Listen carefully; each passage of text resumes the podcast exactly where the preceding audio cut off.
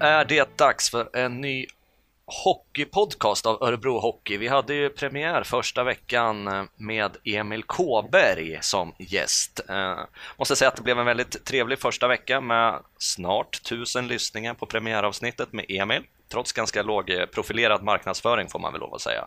Så hamnade vi totalt i ett femtontal länder, bland annat Vietnam, Holland, Tyskland, USA och Filippinerna. Och då är det dags för en ny gäst som ska försöka att bräcka det här.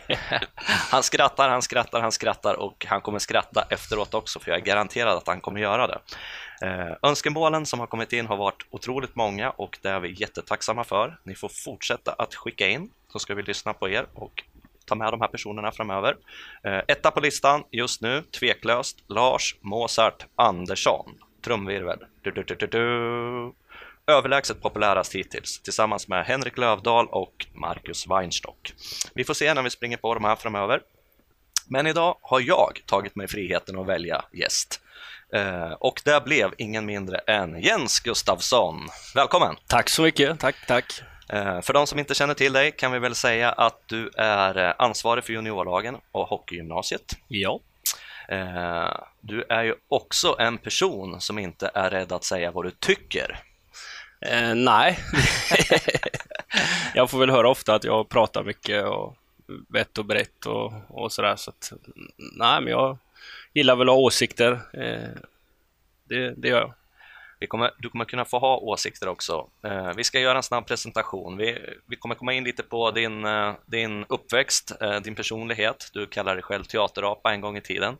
Eh, men det blev allvarligare sysslor för dig framöver när du blev gruppbefäl bland annat i Bosnien. Yes. Eh, vi kommer prata våra duktiga juniorlag. Vi kommer prata ny teknik, sociala medier mm. som en uppkomst att ta ställning till och, eh, framöver. Eh, men vi gör som vi gjorde senast. Vi börjar med en faktaruta på Jens Gustafsson. Ålder? 42, fyller 43 här om någon vecka eller två. Så att... Familj? Eh, sambo och eh, dotter som är två år eh, här i Örebro och sen har jag två äldre döttrar sen eh, tidigare förhållande eh, som bor nere i Småland. Yrke? Ja, junioransvarig i Örebro Hockey. Utbildningar? gymnasieutbildning och sen diverse lite privata ledarskapsutbildningar mycket via ja, min bakgrund inom Försvarsmakten då med både via värnplikten och, och FN-tjänst och sådär. Så att, ja. Klubbar? Eh, modeförening är eh, MPHC, Mölnlycke Pixbo Hockeyklubb, finns inte kvar idag. Eh, slogs ihop en gång i tiden med RISE, Rävland AS och blev Härryda HC som finns kvar idag. Så Härryda är väl min moderklubb kan man säga, där jag började både som spelare och, och eh, ganska tidigt eh, insåg att jag inte kommer bli någon inte kommer livnära mig på hockeyn som hockeyspelare, så jag startade faktiskt väldigt, väldigt tidigt som, som ledare. Eh, samtidigt som jag fortfarande var aktiv på juniornivå så började jag med ledare på hockeyskola och sånt där. Eh, Sen gick jag vidare till Mölndal som ledare. Frölbäcken, eh, Göteborg, anrik gammal förening i Göteborg. Frölunda, Borås, Örebro. Eh, sen har jag varit en sväng i Rönnäng IK, ute på Körn, västkusten, som spelare. Eh, och sen var jag i Nordamerika en säsong och var med lite grann, men, men gamla barndomskompis var där och pluggade, spelade college hockey, så då var jag där och spelade i Long Beach 49ers. Toppen! Det låter ju som några riktigt trevliga ställen, bland annat Long Beach och eh, spela hockey på Tjörn. Ja. Strategiskt valda platser. Äter helst? Eh, kött. Dricker? Ja, jag, jag, sa, jag skulle ju ha åsikter och våga sticka ut. Jag säger öl, det är för jävla gott alltså. Se på TV? Eh, sport. Hobby? Eh, golf och eh, cyklar mountainbike. Ja, all right. gjort två cykelvasan och faktiskt en Vätternrunda. Okej, men inte på samma typ av cykel? Inte på samma typ av cykel. Blir arg av? Eh, orättvisor. Motfråga, blir glad av? När jag får vara med min familj. Eh, är kul och träffa mina, framförallt mina äldre döttrar som är på blir lite mindre av när de bor ganska långt bort då. Så att, eh, att få vara med min familj Mm. eh, blir jag glad av. Strålande Jensa, då startar vi den här podden lite mer ordentligt. Då hoppas vi att eh, de som lyssnar nu har fått en, eh, en liten bild av dig i alla fall. Ja. Då ska de få en betydligt större snart. Ja. ja, eh, Jens Gustafsson, eh, Göteborg. Man hör ju på dialekten. Man gör det. Många reagerar och tänker en, en göteborgare i Örebro. Efter fem år nu i klubben, känner du dig som en, en örebroare eller vilka känslor är det du, du bär runt på? Ja, det är, ju, det är ju faktiskt den klubben jag har varit i längst eh, som ledare. Eh, så att, eh, men men eh, när jag går i Örebro och pratar med dig Johan så är det klart att du tycker att jag har, har man hör på dialekten att jag är från Göteborg, men när jag åker till Göteborg så säger de man hör att du bor i Örebro. Så jag, Har du, har du fått eh, Emil Kåberg-vibbar här? Ja, ant- antagligen. Jag vet inte, men, men eh, nej, jag trivs bra i stan och, och eh, det, det är väl ett tecken på eftersom jag har varit kvar så länge. Jag trivs både i klubben och framförallt i stan och människorna som är i stan och jag tycker väl kanske det här med gnällbältet är lite över, överreklamerat. Jag tycker inte folk är så gnälliga här. Det är ganska positiva människor eh, som jag stöter på i alla fall i, i Örebro. Så att eh, nej, jag trivs jättebra i stan. Det är klart att jag det säger väl alla som kanske kommer från kusten. Det, när, jag åker, när jag åker hem, om jag säger så, jag säger fortfarande hem, så jag har väl inte riktigt blivit örebroare kanske då, men det är klart att man saknar havet Mm. eh, och kusten. Det gör man ju ibland. Kanske inte så mycket när jag är här, men man blir påmind om det när man åker hem och kommer nära det. Och kanske ännu mer Long Beach i Los Angeles då? Ja, precis. Så Det är det, det är lite skillnad mot att promenera vid Oset, där man inte är lika sugen på att hoppa i plurret när man går där nere och promenerar. Long Beach är ett ganska hårdkokt ställe va, på sina håll och kanter. Brukar vara med i en hel del eh, rapplåtar också. Ja, det är ju lite där. Venice Beach, Long Beach, Huntington Beach. Det är mycket sur surfers paradise. Mycket surfare. Det var väl mitt mål när jag var där, att jag skulle lära mig att vågsurfa, men det var svårare än jag trodde faktiskt. Eh, Jensa, lite snabbt på eh, en kort summering. Eh, varför kom du till Örebro och vad har du gjort under de här åren? Om man bara titl titlar ner, så att säga. Dina säsonger. Ja, jag var ju i Borås i Allsvenskan som, som huvudtränare där.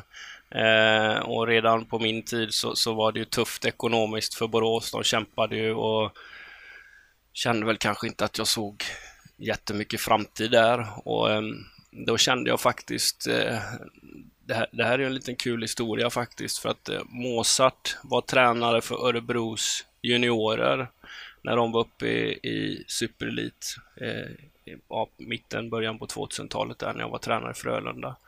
Eh, lärde känna Mozart då och så träffades vi, vad kan det ha varit, 2011 eh, på våren i Göteborg när Easton som vi idag har material som leverantör för vårt material hade precis etablerat sig i Sverige, flyttat till eh, Göteborg och hade en eh, ett showcase i Göteborg där de bjöd in klubbar i samband med en Frölunda-match. Eh, och då stötte jag på Mozart där.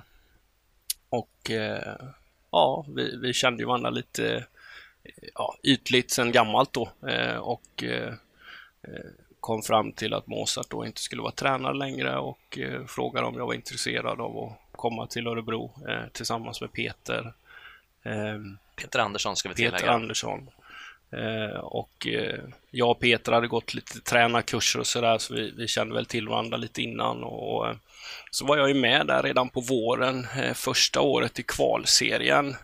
Det vart väl lite som en, eh, vad ska man säga, provanställning kanske. Jag tänkte att det var nog så Mozart och Peter och Micke Fallander som var med på den tiden såg väl det så. Så jag var ju med dem eh, första, första året i kvalserien och hjälpte dem eh, som scouta motståndare och, och videoscouting. Så jag pendlade mellan hemmet i, i Göteborg och Örebro i stort sett var och varannan dag. Satt hemma och klippte och klistrade powerplay, boxplay och, och var här och presenterade det. Och sen eh, efter den säsongen så, så ja, då blev det Örebro. Mm.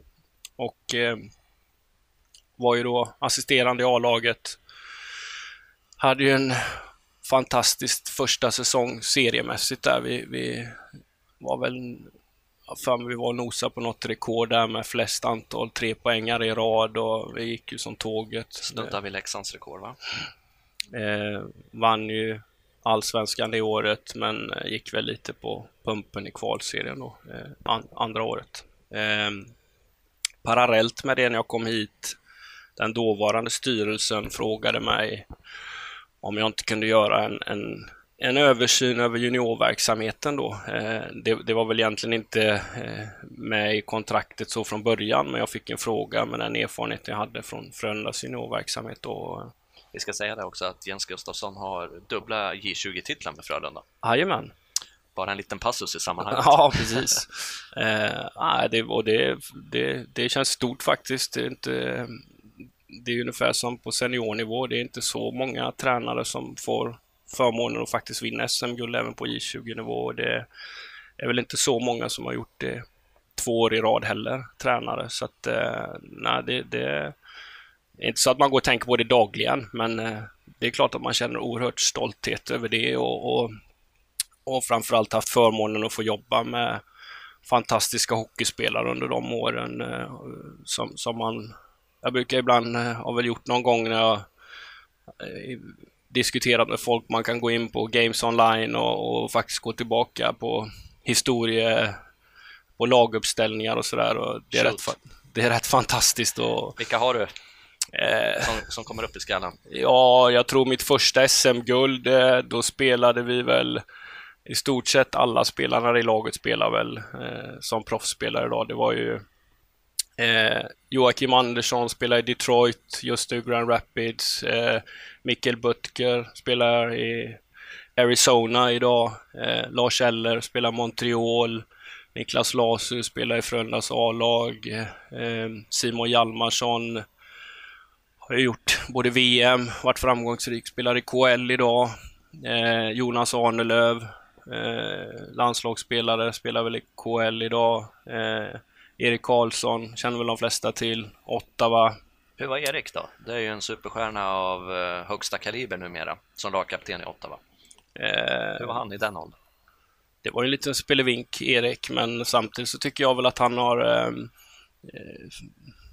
han har ju alltid fått lite en stämpel på sig att vara en, vara en sprallig kille och det är han. Det är en, det är en rolig prick men eh, man ska också veta att Erik är eh, otroligt hängiven till, till sporten ishockey och otroligt seriös med, med sitt hockeyspelande. Han älskade hockey och eh, fantastisk eh, ödmjuk människa in, inför spelet hockey, även om inte den bilden har givits av honom ibland. Så att, eh, nej, Erik är väl kanske något, något extra faktiskt. Eh, har väl inte stött på så många varken innan eller efter det och, och bevisligen så är det ju så. Han är ju är ju ganska... Han dominerar ju lika mycket i NHL som han gjorde i J20-serien på den tiden och, och sådär. Så att, äh, det är en extrem talang, absolut. Och lika samma spetsegenskap gissar jag på också med mycket poäng.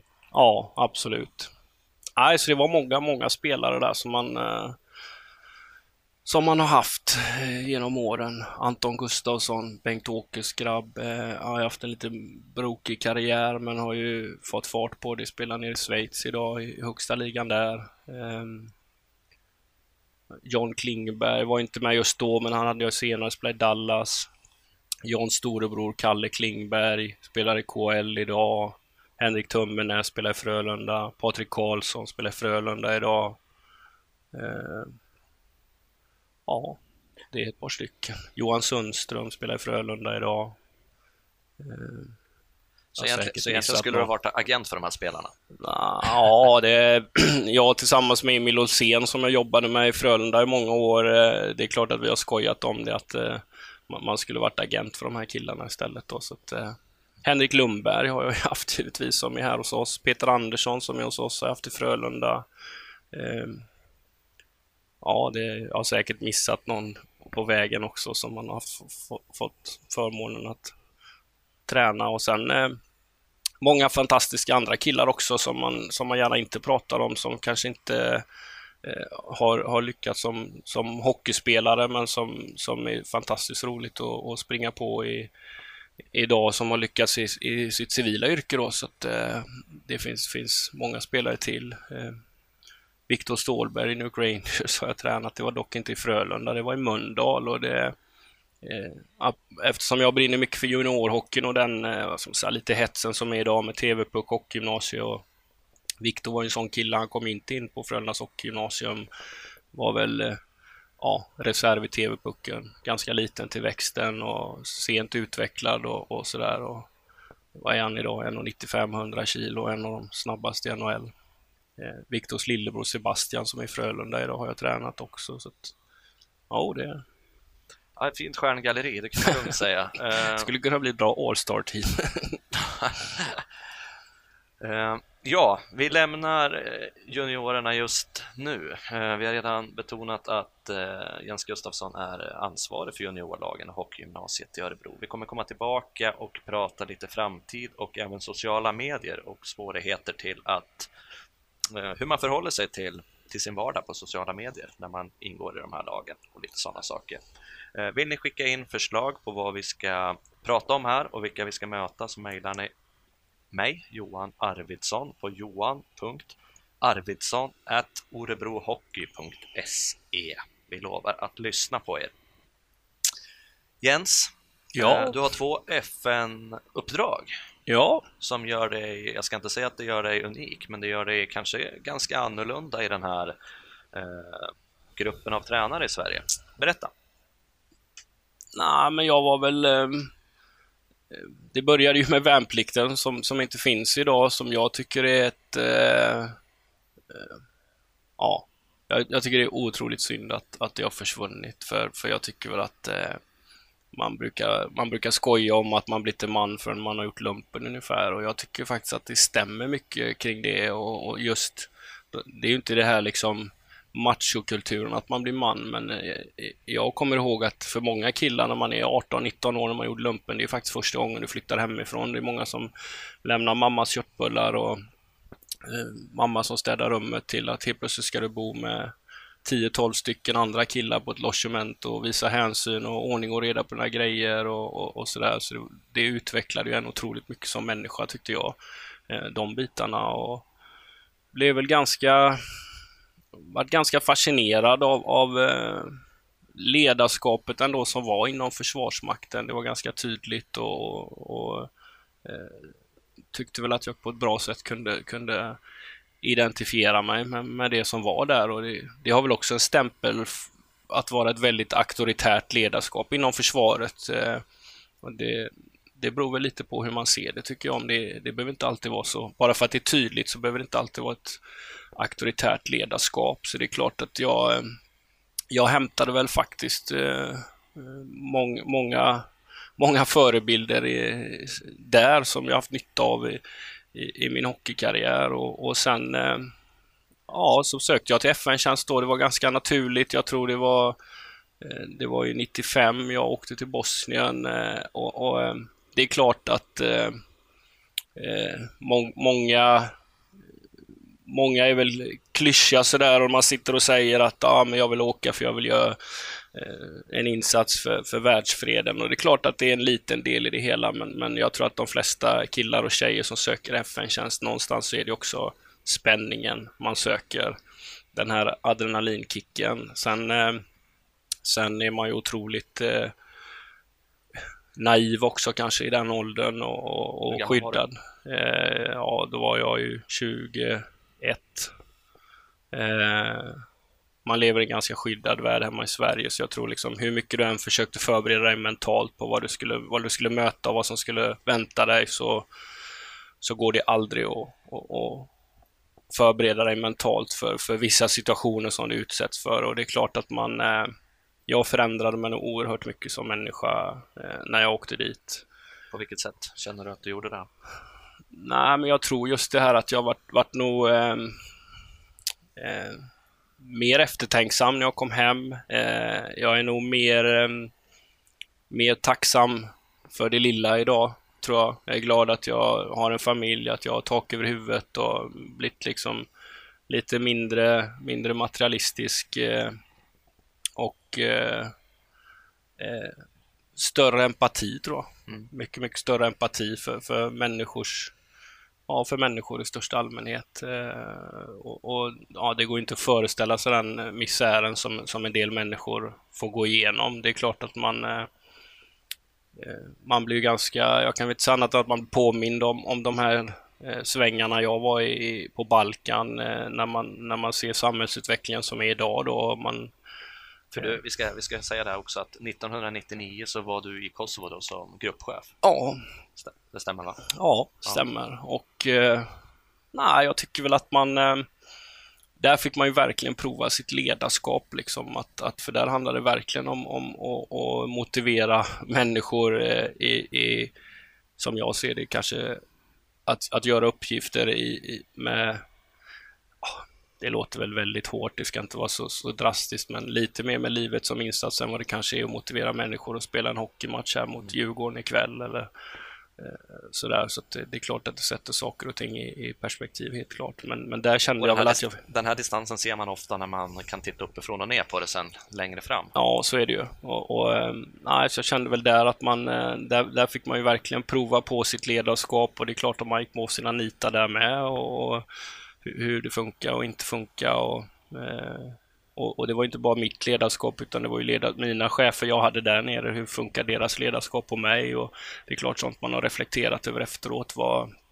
vad gjorde de bra och dåligt i olika situationer för att motivera mig eller få mig till att bli eh, ja, rädd, rädd och flyktbeteende kontra liksom att man vill, vill ta upp kampen och, och jag vet ju att det är det är ganska aktualiserat ämne just nu med vårt A-lag idag, det här med, med förluster och folk utifrån förstår inte riktigt. Men, men eh, ja, det, människan är ett, ett unikum så det vi har mellan öronen, det skulle man vilja in och gräva i lite mer och förstå sig på ännu tydligare ibland faktiskt.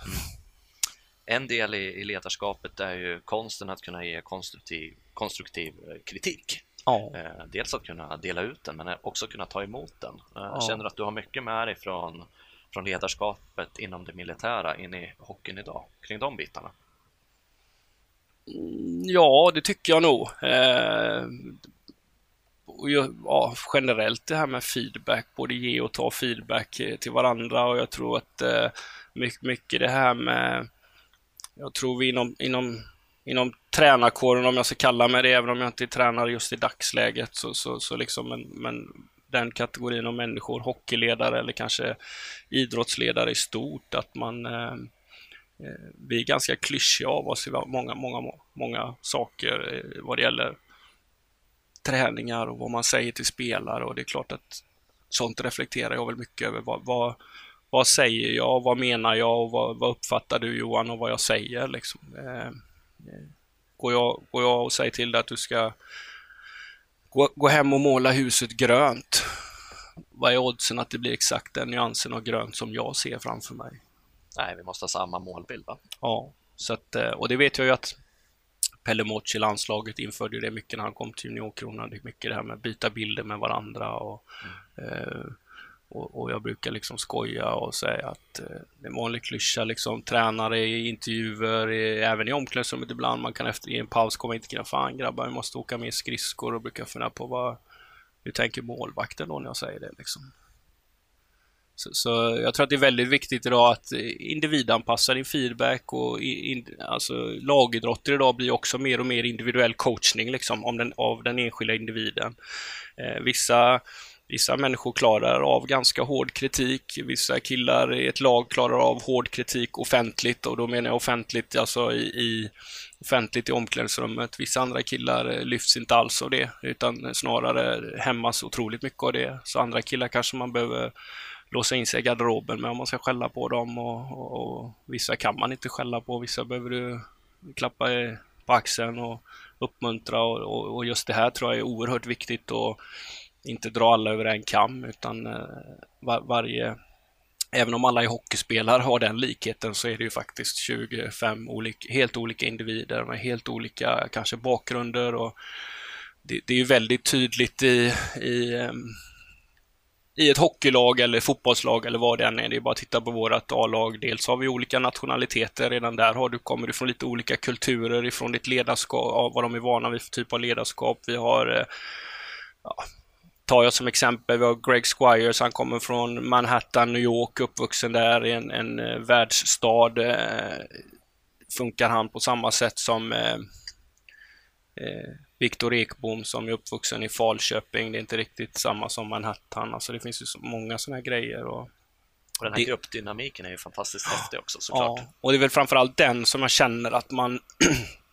det är väl den jag kan reflektera till väldigt mycket inom, inom min militärtjänstgöring. För där är ju egentligen, för att komma tillbaks till det lite grann, att, att man eh, kommer från så otroligt olika samhällsklasser när man gör värnplikten. Det är storstadsgrabbar, det är bönder från landet om man uttrycker det så, men, men eh, där är alla lika. Alla går i grön uniform och har rakat håret ungefär och ser likadana ut. Jag kommer jag, kommer, jag har en sån fruktansvärt stark bild av det, att det här första när man ryckte in i lumpen och så, och så var det liksom uniform och så hade man de här, eh, ja, vad det nu kallas, men fältvaneveckor ett par veckor i först, början och sen eh, första lediga kvällen man skulle gå ner på stan allihopa och gå ut och ta en bärs liksom. Och då, då vart man sådär, alla helt plötsligt bytte om till civila kläder, så vart man nästan lite sådär, oj, eh, är du en sån person Johan? Liksom? Man, vi, vi är otroligt snabba idag tror jag på att döma folk efter, efter utseende och lite sådär och efter var, var man kommer ifrån innan. Och, och, det var väl det jag blev så fascinerad av inom, inom militären, att där lärde man ju verkligen känna människan,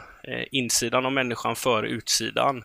Eh, och, när man väl, som jag sa, när man gick ut där och tog en öl första kvällen, då var det verkligen så att den där killen hade jag aldrig eh, liksom integrerat med om, om vi hade träffats på stan bara eller sådär. Det är inte alls min typ av människa, trodde jag inte om man säger så. Och, och, och det är väl lite samma inom hockeyn då. Det är killar som kommer från olika bakgrunder och men man har ändå ett gemensamt mål. Man eh, spelar i samma uniform och man vill, man vill vinna tillsammans. Det är ju den gemensamma nämnaren de har och det är ju klart att det är den stora drivkraften. Men, men att få alla att driva dit och, och då, då är det ju då gäller det att coacha dem väldigt individuellt. Mm. Eh, hur känner du idag efter dina uppdrag inom FM? Kan du blunda och sova gott på nätterna eller har du bilder som spelas upp och Nej, faktiskt inte har jag. Ehm, du är inte den första Johan som ställer den frågan. Det är klart man har fått den frågan otroligt många gånger, men, men eh, peppa peppa, jag har väl aldrig haft några psykiska men som en del undrar då, men, men däremot skulle jag väl säga att jag har eh, otroligt starka intryck eh, efter. Det är klart att det finns minnesbilder som, som eh, inte är så positiva, men jag tror inte... Jag har det inte sämre än en ambulansförare i Sverige idag, eller en brandman, eller som också hamnar på olycksplatser där man kanske utsätts för, för oh, scener som, som inte är kanske som, som vi klassificerar som normalt i, i samhället då, eller som nej. gemene man utsätts för. Så att eh, nej, det har jag väl inte. Sen, sen har jag väl blivit eh, nu har det gått så många år så, så idag kanske jag också läser Hänt Extra höll jag på att säga. Det gör jag väl inte men, men eh, när jag kom hem vart jag väldigt upprörd över sådana grejer när det kunde stå struntsaker i media tycker jag liksom om Ulla 78 år, hennes katt hade fastnat i ett trä och så är det en jätteartikel om det när man, när man insåg att liksom ja, tre och en halv timme flygresa här så, så pågår det en fruktansvärd misär. Eh, det var mycket sånt jag reflekterade över, att det, det, tog längre tid att flyga till Kanarieöarna för svenskar på chartersemester än vad det tog att flyga till, eh, till Bosnien på den tiden. Så, så det, det kom väldigt nära in på en då och sen det är klart att direkt när jag kom hem därifrån så var det väl inte tuffare psykiskt, men jag tror liksom, men, men eh, det, det, var det tog ett tag att ställa om sig mentalt, att man var hemma i, i början. Det är klart att man reagerade lite på eh, kraftiga knallar, nyår och sådana grejer, för man var van vid liksom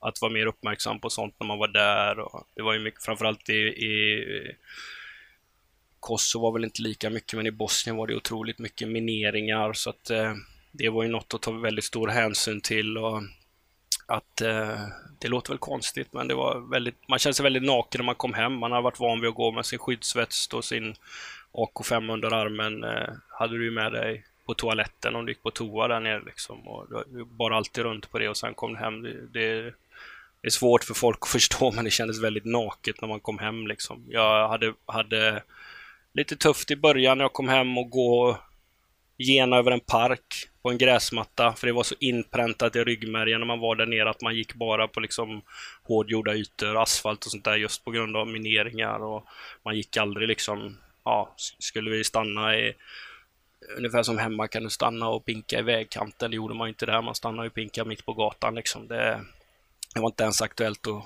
att kliva en meter utanför asfaltskanten och sådär. Så, så eh, men, men eh, inget traumatiskt så, men, men det var ju ryggmärgsbeteenden eh, som, som hade satt sig så hårt. Så när jag kom hem var det lite sådär man nästan stannade med en fot i luften och sa ja, just jag är hemma, jag kan, jag kan gena snedda lite över gräsmattan här för jag har bråttom till bussen. Liksom. Det, det låter banalt, men så var det i början. Men det är ju helt borta idag. Vi ska prata lite mera hockey nu med Jens Gustafsson. 30 eh, minuter ungefär av våran podd har vi rivit av så här långt. Jag sa det till Jensa innan, det är ungefär som att lägga en femkrona i, i nacken och så spelas, spelas skivan. Ja. Vi får mäta sen vem som har pratat mest, du eller jag. Ja. Jag tror du vinner, men det är också det som är meningen och det är därför du är hitbjuden såklart. För att du är en otroligt eh, spännande gäst. Eh, nu ska du få en fråga. Conny Strömberg Scott Matska och Theo Flurry. Mm. En spelare i juniorlagen har en koppling på ett sätt mot de här tre. Vem tänker du på då? Då tänker jag på Sam Duggan. Ja, det är rätt! Conny spelar ju i England. Conny Sheffield. Ja. Gamla Calgary-hjälten Theo Fleury var ju uppe i Belfast. Belfast var han, ja. Och allas vår Scott Matska som sköt som en, ja, vad sköt han som? Han sköt väldigt hårt och var målfarlig under en period här i alla fall. Han, är ju, han var ju i Wales, mm. i Cardiff Devils. Sen har vi Matt Keith som eh, var här när jag kom, samma år jag kom. Jared Olin eh, tiden ja. Spelar i Brayhead Clans heter de va? Vart till och med spelade i, i, i COL. COL ja. Du, Brittiska öarna, hur hittar man en eh, juniorspelare där? Ja, det är ju helt fantastiskt, eller på att säga. Kör, det, det du, får, du, du, får en och en halv minut. Det är faktiskt så avancerat som det är, utan eh, Sam eh, hade varit eh, faktiskt, och, och, via sin agent, han har en, en svensk agent som hjälper honom, hade varit bland annat och provtränat i Frölunda.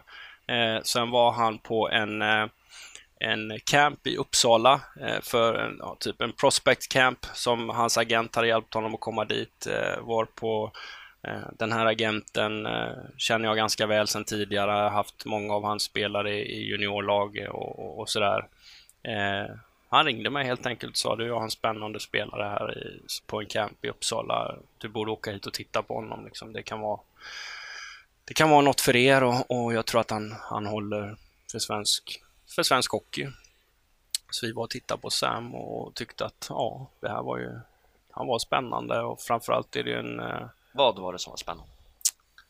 Vad han, hans karaktär tror jag liksom att han eh, ibland eh, Det är faktiskt så när du plockar, eh, plockar spelare från, ja, nu låter det ju oödmjukt, men från de här blåbärsländerna i, i hockeysammanhang då, så, så är ju de ju oftast otroligt ödmjuka för att komma hit. Jag kommer ihåg, jag frågade Sam liksom, hur är det, hur är det för dig om du skulle komma till Sverige och spela hockey? Och han, han, eh, han är väldigt mogen för sin ålder och han sa till mig, du Jens, jag tror att, och, och det, det fascinerade mig lite att han hade sån koll. Han sa, för mig att få komma till Sverige och spela hockey, det är nog ungefär som en svensk skulle få spela amerikansk fotboll och få scholarship i Nordamerika. Han hade så pass koll att amerikansk fotboll kanske inte, även om vi är framgångsrika här, Black Knights i Örebro, så är ju inte det en, eh, en eh, det är ju inte den största sporten i Sverige i alla fall. Eh, och, och, därför har han ju varit så oerhört tacksam att få vara här och har ju elefantöron varje dag för att lära sig och bli en bättre hockeyspelare och han, han vet ju att han är lite av en eh, pionjär för, för han, han, får ju otroligt mycket uppmärksamhet i England i, idag eh, just för att han har tagit sig till Sverige som ung junior. Eh, det är väl egentligen bara vad hette han? David Langstaff som var Djurgården tidigare. Som, som, men han kom ju till Djurgården som proffsspelare redan då, så jag tror väl att Sam är väl den första junioren som har tagit sig till Sverige då. Eh, han kommer från en, faktiskt en hockeyfamilj. De bodde nära ishallen. Storebror hade spelat eh, junior, juniorhockey i Nordamerika eh, och sådär. Eh, så eh, Sams eh, mamma och pappa flyttade med honom hit, så de har faktiskt bott här hela familjen. Nu, eh, nu flyttar mamma och pappa hem här i mars och nu ska han bo själv eh, eh nästa år hos oss. Så att eh, på den vägen är det. Och han är även lagkapten för ett J18. Otroliga ledaregenskaper och en mogen människa. Eh, bra på att föra sig och har ett otroligt driv att, att vilja bli en, en, en bättre hockeyspelare och det tror jag väl idag att det är. Vi pratar mycket om, när man pratar om talang, då pratar man om skillsen och tekniken och, och sådär och det är klart att det är oerhört viktigt men på den nivån vi jobbar så har ju alla mycket skills och teknik och då blir det väldigt avgörande att vara en träningstalang med, att ha det här inre drivet, att vilja bli en bättre hockeyspelare och det har Sam. Ett annat fynd, ska vi väl kalla det, eh, med lite udda bakgrund och historik eh, som vi har i föreningen just nu och på juniorverksamhetsnivå, det är ju ingen mindre än våran kompis från Österrike, Phil Horsky. Jajamän. Eller Phil Horsky. Hur uttalar du det för att det ska låta mer österrikiskt? jag vet faktiskt inte. Filippe säger du ja, ja, han heter ju Filippe, det stavas ju så, eh, men, men han säger väl det själv med, med amerikansk accent, så det blir ju Phil Horsky, det låter ju väldigt nordamerikanskt. Det låter ju nästan som en gammal kanadensisk ja. eh, hockeyback, va? Ja. Eh, vad heter det, vad kan du säga om honom då? Och där har du också en ganska god story hur ni connectade. Mm, han, eh, Phil eh, är ju också en, en eh, ja, beundransvärd människa tycker jag. Han Eh, har eh, brinner otroligt mycket för hockeyn, har ett otroligt engagemang, eh, en ledare som verkligen brinner för hockeyn.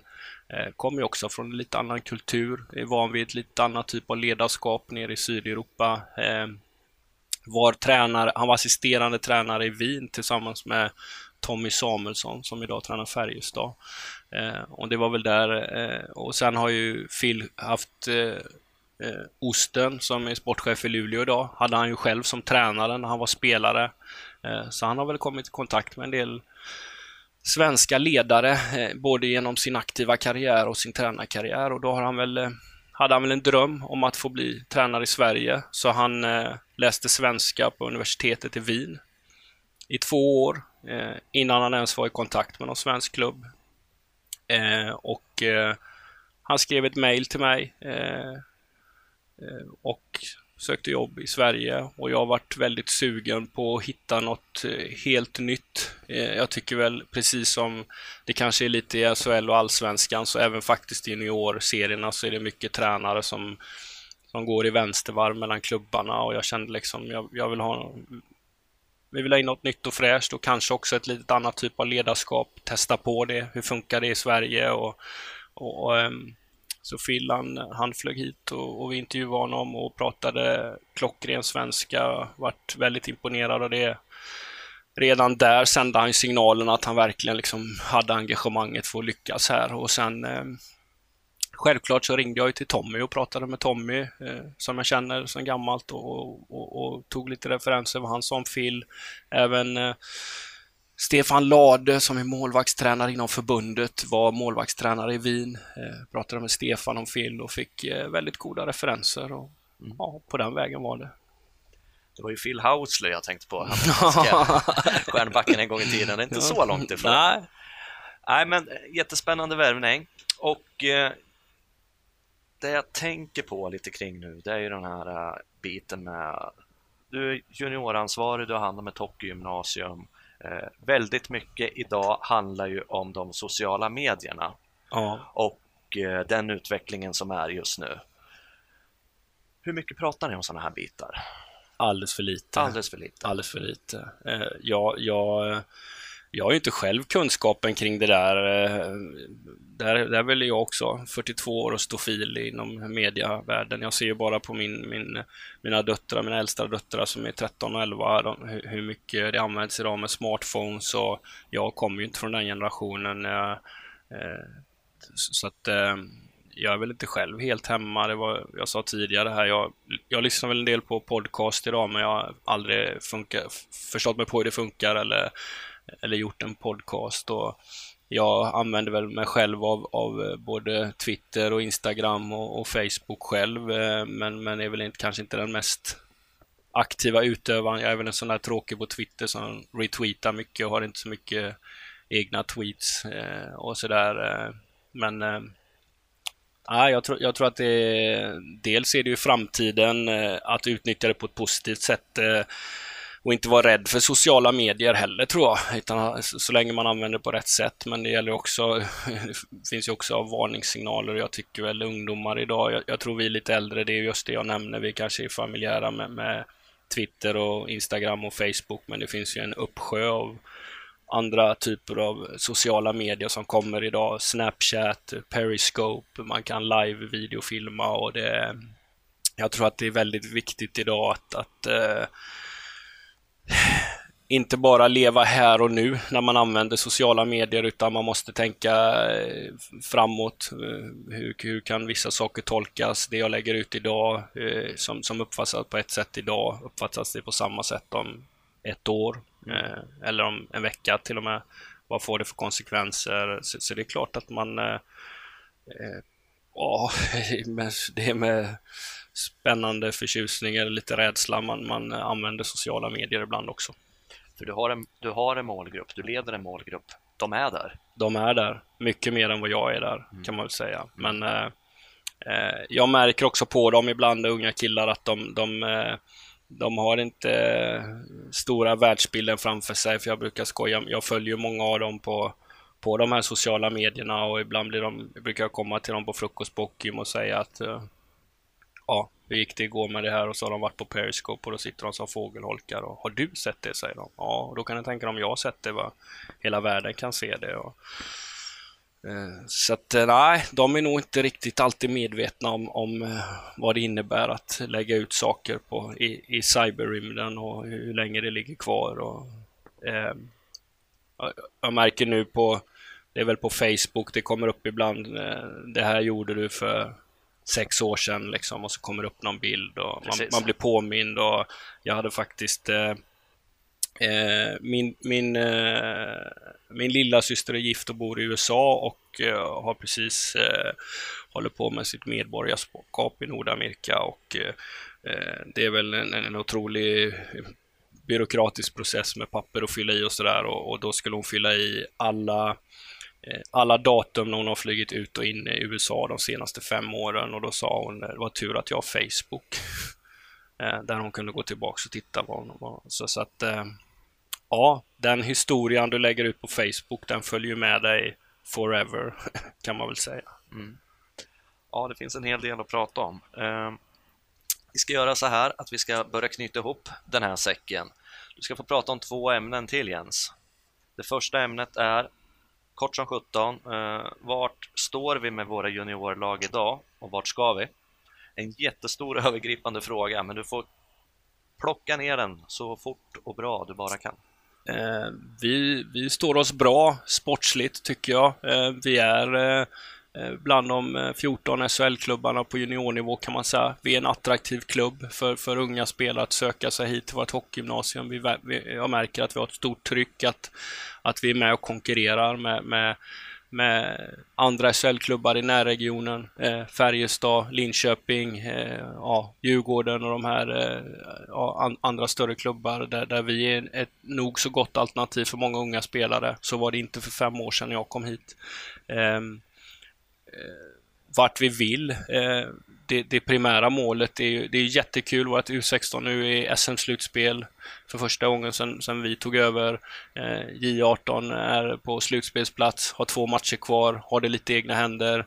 Eh, J20 ligger väl någon poäng bakom men har väl också lite egna händer så, så vi med lite flyt så går ju alla våra, våra tre lag till, till SM-slutspel. Samtidigt så är ju inte det primära målet att, att, att vinna SM-guld med juniorerna, utan eh, det primära målet är ju att vi ska fostra spelare till vårt A-lag. Så i framtiden så...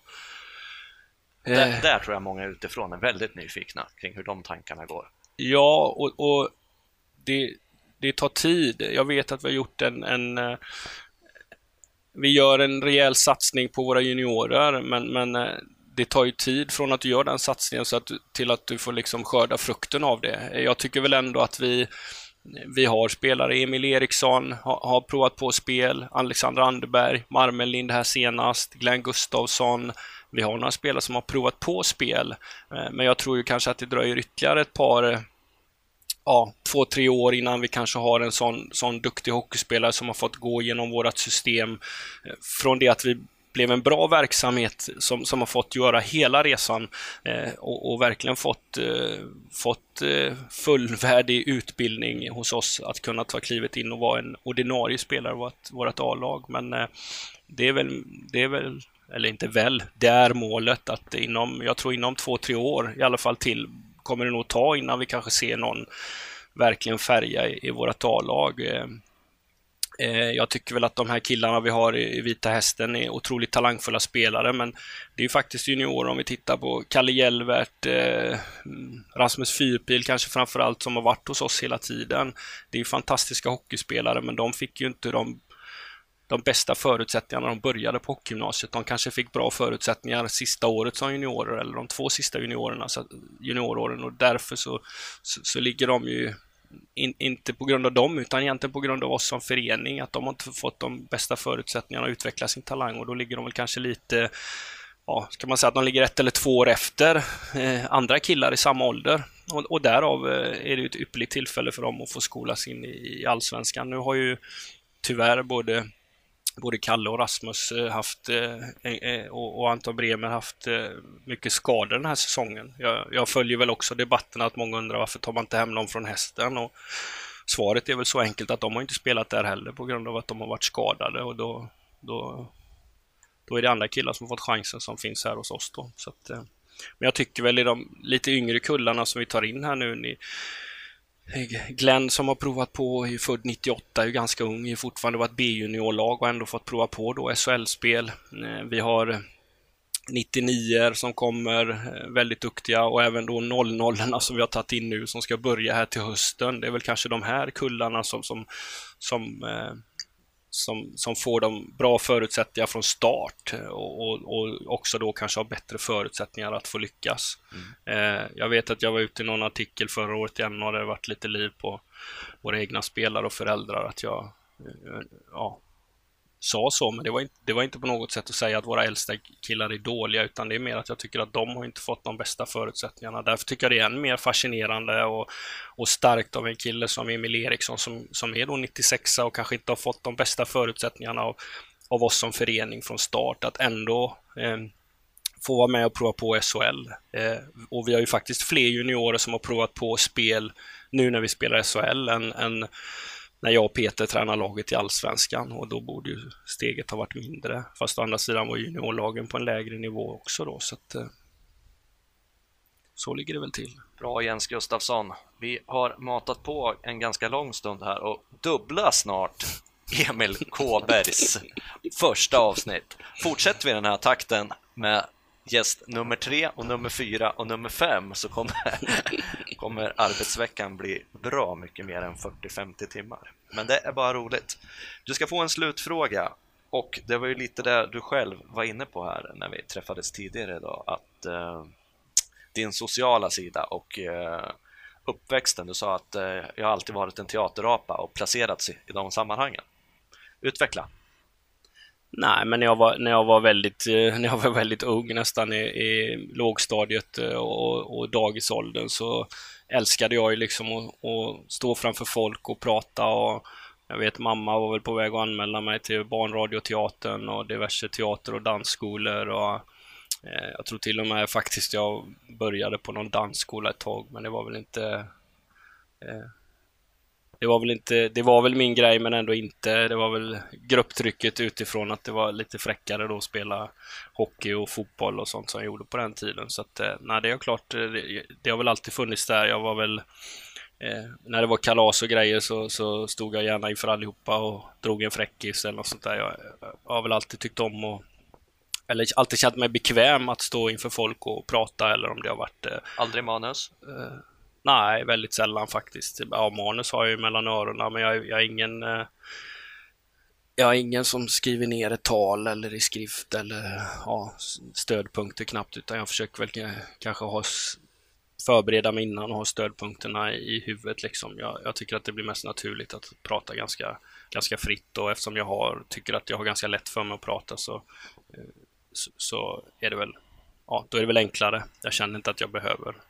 Och, och det är väl just den här bekvämlighetsfaktorn, att, att känna att det är jag har väl väldigt svårt när jag träffar människor, eller inte svårt, men, men jag har svårt att sätta mig in när folk säger Åh gud, nu har jag, ska jag hålla ett föredrag i skolan, det är så himla jobbigt, jag ska stå inför en klass och så blir jag sådär, men herregud, det där är väl inte så farligt. Det, det handlar ju mycket om att våga bjuda på sig själv och, och, och även faktiskt kanske ibland att, eh, att våga göra bort sig. Det, det, är väl mycket det det handlar om. Liksom. Mm. Kan det bli för mycket också? Kan du känna ibland, fasen vad jag babblar här, nu får jag dra ner på det här liksom, eller hur? Tyvärr finns väl inte den spärren. Tyvärr finns väl inte den spärren hos mig, men det finns väl i, i min omgivning. Eh, Sofia, min sambo, kan väl säga till mig ibland att nu får du, nu får du ta och knipa igen alltså. Man måste släppa fram andra människor och prata med om man är hemma hos folk på besök eller sådär. Men, ja, jag är en, en otroligt social människa och älskar att diskutera och argumentera och det finns inget roligare än att sitta och diskutera med människor som tycker olika än dig själv. Liksom. Det, det, är ju så man utvecklas som människa och, och, och, när man har olika åsikter om saker och ting och, och, och få tvingas att, att ta fram argument för och emot och sådär. Så att nej, jag är väl en Ja, kanske ska jag ge mig in i politiken eller något sådär kanske. Nej. ja, det blir intressant att följa Jens Gustafssons framtida karriär, vart den än är någonstans, det kan vi väl säga. Vi ska säga så att det här var det andra avsnittet av Örebro Hockeys podcast. Vi är jättetacksamma till alla er som har lyssnat. Fortsätt gärna att dela podcasten och sprida den i sociala medier så att den kan växa och att vi kan slutändan få in ännu mera synpunkter, feedback och tips på vilka vi ska möta i den här studion. Just idag var det jag, Johan Arvidsson, som var programledare tillsammans med junioransvarig Jens Gustafsson som gäst. Eh, hur det ser ut framöver får vi se. Men eh, etta på listan just nu över mest önskade är i alla fall Lars Mozart Andersson, klubblegendaren. Jag vet inte om han riktigt vet vad en podd är, men vi ska försöka värma upp han i alla fall och se om vi kan mötas framöver. Stort tack Jens Gustafsson och lycka till med allt framöver och ta hand om juniorerna. Tack så mycket. Kul att få vara förband till Mozart då får jag väl säga, eller föråkare eller vad är det?